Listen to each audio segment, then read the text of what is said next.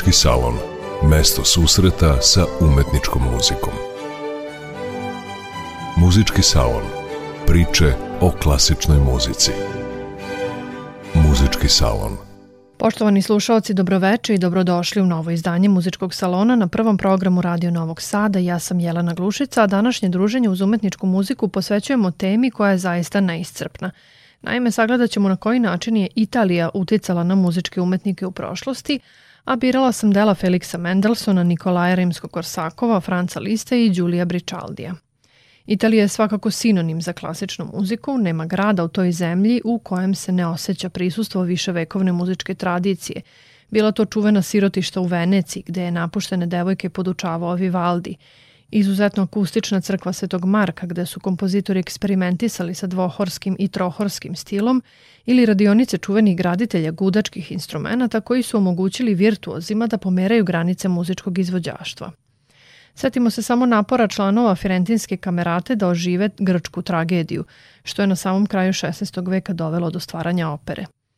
Ne smemo zaboraviti da su upravo italijanski pevači, najpre kastrati, a potom i primadone, doveli do uspona vokalni virtuozitet, koji se mogao meriti sa onim iz domena instrumentalne muzike. Umetnička tradicija te zemlje, slikarska, vajarska, arhitektonska i književna dostignuća decenijama su iznova i iznova inspirisala muzičke stvaraoce da kroz svoja dela oblikuju utiske koje su doživljavali prilikom suseta sa tako bogatim nasleđem. Italija je oduvek bila destinacija koju nisu zaobilazili obrazovani ljudi i ljubitelji umetnosti. Pripadnici višeg staleža bi u okviru takozvane velike ture obavezno odlazili u tu zemlju, To je učinio i nemački kompozitor Felix Mendelssohn početkom 30. godina 19. veka. Kada je stekao visoko obrazovanje, roditelji su ga na predlog velikog prijatelja porodice, pesnika GTA, poslali na trogodišnje putovanje po Evropi. Cilj je bio da mladi ljudi upoznaju kulturu i istoriju drugih zemalja, a najvažnija destinacija na tim turnejama bila je Italija. Evo što je Felix u jednom pismu napisao svojoj sestri Fani govoreći o Italiji. Osjećam da sam se u potpunosti promenio od kako sam došao ovde. Boljeg sam zdravlja i srećniji sam, a rado se posvećujem komponovanju, tako da očekujem da ću postići mnogo više nego što sam očekivao. Kada ujutro rano uđem u svoju sobu i vidim sunce kako jasno obasjava moj sto, osjećam se tako prijatno i zadovoljno. A sada je već pozna jesen i zaista ko bi u našoj zemlji u tom godišnjem dobu očekivao toplo vreme, vedro nebo, grožđe i cveće. Nakon doručka počinjem da radim, sviram, pevam i komponujem skoro do podneva. Posle toga biram različite istorijske spomenike koje ću tog dana posetiti. Nekad odem da vidim ostatke iz antičkih vremena, drugi put idem u galeriju Borgeze, crkvu Svetog Petra ili u Vatikan. Tako je svaki dan zaista za pamćenje i kako vreme prolazi, svi ti objekti koje vidim sve više i čvršće se urezuju u moje pamćenje. Italija je očigledno pozitivno uticala na mladog Feliksa koji je nakon boravka u toj zemlji napisao simfoniju broj 4 u A-duru poznatu pod nazivom Italijanska. Zato sada slušamo četvrti stav Saltarello iz te simfonije u izvođenju Kamernog orkestra Evrope kojim rukovodi Nikolaus Arnoncourt.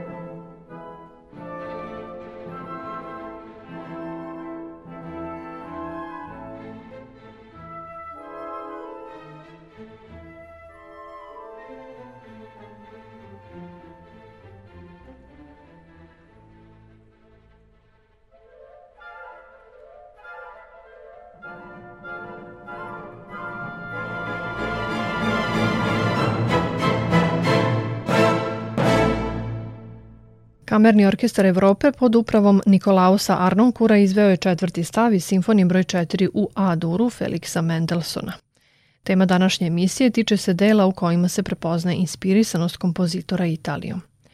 Jedan od najpoznatijih primera svakako je spomenuta Mendelsonova simfonija, poznata i pod nazivom Italijanska. Kao što sam već napomenula, Italija je zemlja muzike, postojbina belkanta. U njoj su rođeni žanrovi opere, oratorijuma i kantate, kao i neke od najznačajnijih instrumentalnih formi, poput solističkog koncerta ili klavirske sonate. Setimo se i da je celokupna muzička terminologija na italijanskom jeziku, te da se ona danas pretežno i koristi u svetu umetničke muzike. Mnogi kompozitori su baš u Italiji doživljavali velike uspjehe ili su u stvaralaštu tamošnjih muzičara pronalazili inspiraciju. Recimo, Georg Friedrich Handel je nakon izvođenja opere Agripina u Veneciji iz publike slušao kako mu kliču Viva il caro Sassone ili Živeo dragi saksonac. Mladi Wolfgang Amadeus Mozart postao je sa 14 godina član prestižne institucije Akademija Filarmonika u Bolonji – a veliki Johann Sebastian Bach, iako nikada nije napuštao rodnu Nemačku, vredno je prepisivao Vivaldijeve koncerte, ne bi li naučio više o kompozitorskom zanatu italijanskog majstora.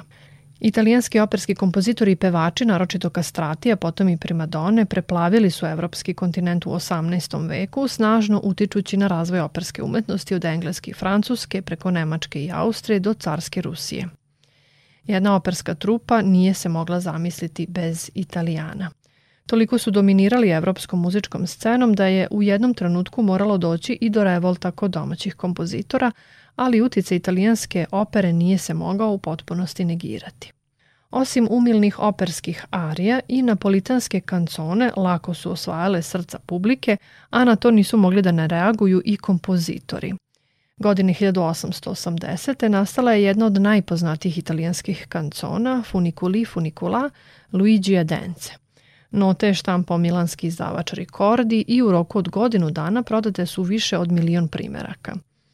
Dvojica vrhunskih kompozitora orkestarske muzike Richard Strauss i Nikolaj Rimski-Korsakov upotrebili su u svojim delima melodiju ove pesme misleći da je reč o izvornoj napolitanskoj kanconi. A kako je Korsakov orkestarski uobličio poznatu melodiju, čućemo u tumačenju Filharmonijskog orkestra BBC-a kojim rukovodi Vasilij Sinajski.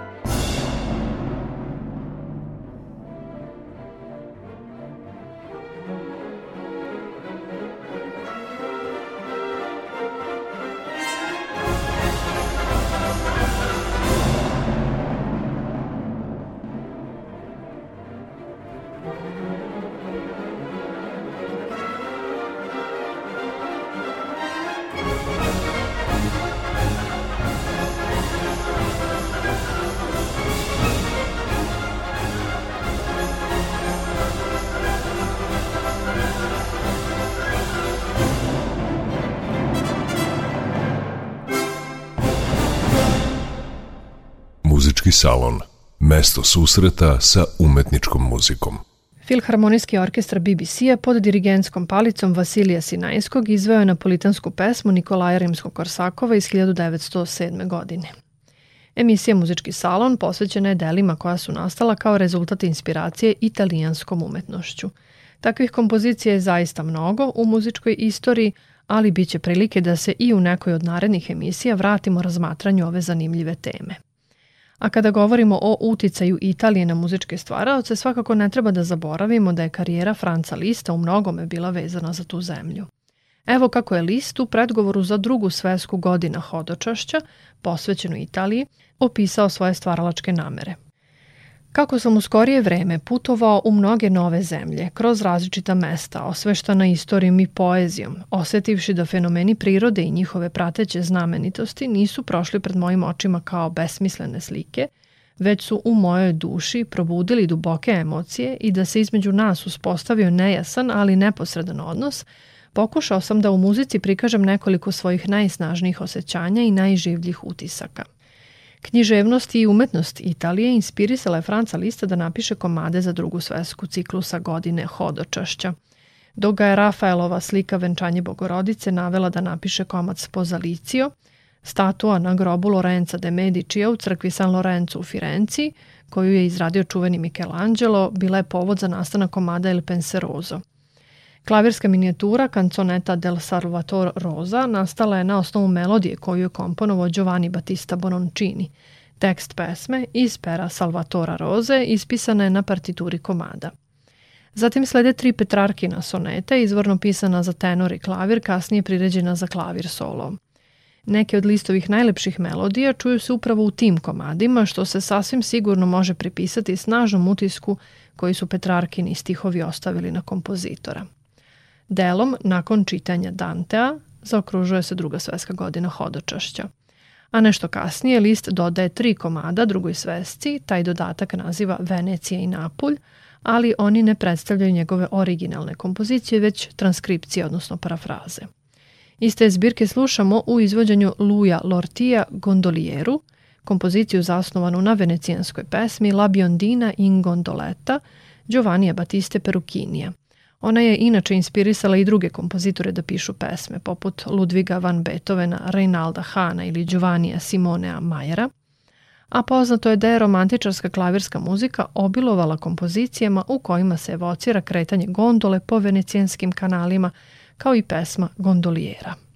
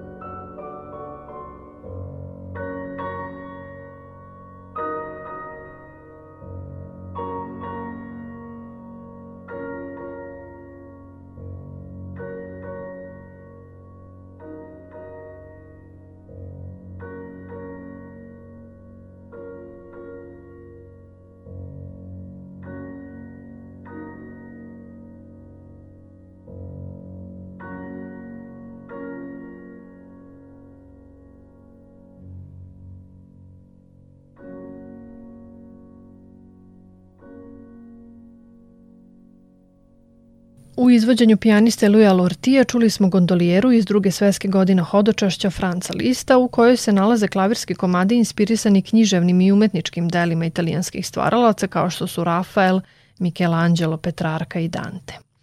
Današnje izdanje muzičkog salona posvećeno je delima u kojima se prepoznaje utice italijanske umetnosti na kompozitore različitih epoha. Nakon što je čuveni Nicolo Paganini napisao 20 varijacija na temu poznate napolitanske pesme O mama, mamma cara, nazvavši delo Karneval u Veneciji, brojni kompozitori su pisali slične virtuozne aranžmane. Inače, uticaj ovog violinskog virtuoza, za kojeg su savremenici tvrdili da ga je sam đavo zaposeo, naravno zbog nevrovatne tehničke spretnosti koju niko drugi nije mogao da savlada, ogledao se ne samo na spomenuti način, nego i mnogo dublje – jer su muzičari želeli da postanu virtuozi na svom instrumentu nakon što bi čuli vatrenog Paganinija, Robert Schumann recimo. Dakle, po uzoru na Paganinijeve varijacije nastao je čitav niz sličnih obrada spomenute napolitanske kancone. Jednu takvu pronalazimo u opusu Giulia Bricaldija, koji je bio virtuoz na flauti, kompozitor, graditelj instrumenta i profesor. Zanimljivo je to što su ga prozvali za Paganinija na flauti – Rođen je u gradu Terni 1818. godine, prve poduke u muzici dobija od oca. Potom odlazi na studije u Rim, gde uskoro počinje i da predaje na Akademiji Santa Cecilija. Kasnije je nekoliko godina radio kao profesor flaute članovima italijanske kraljevske porodice u Napolju i Milanu, a nakon koncertnih turneja po Evropi i Americi odlazi u London gde se bavi gradnjom instrumenta, a na posledku je imenovan za profesora flaute na konzervatorijumu u Firenci. Kao kompozitor prevashodno je negovao žanrove koji su tada bili omiljeni kod publike. Bile su to parafraze i variacije na operske teme koje su iziskivale veliko tehničko majstorstvo. Bričaldijev Karneval u Veneciji slušamo na kraju današnje emisije u izvođenju Sir Jamesa Galwaya. Očekujemo vas i narednog utorka u isto vreme u novom izdanju muzičkog salona. Do tada ostanite uz prvi program Radio Novog Sada.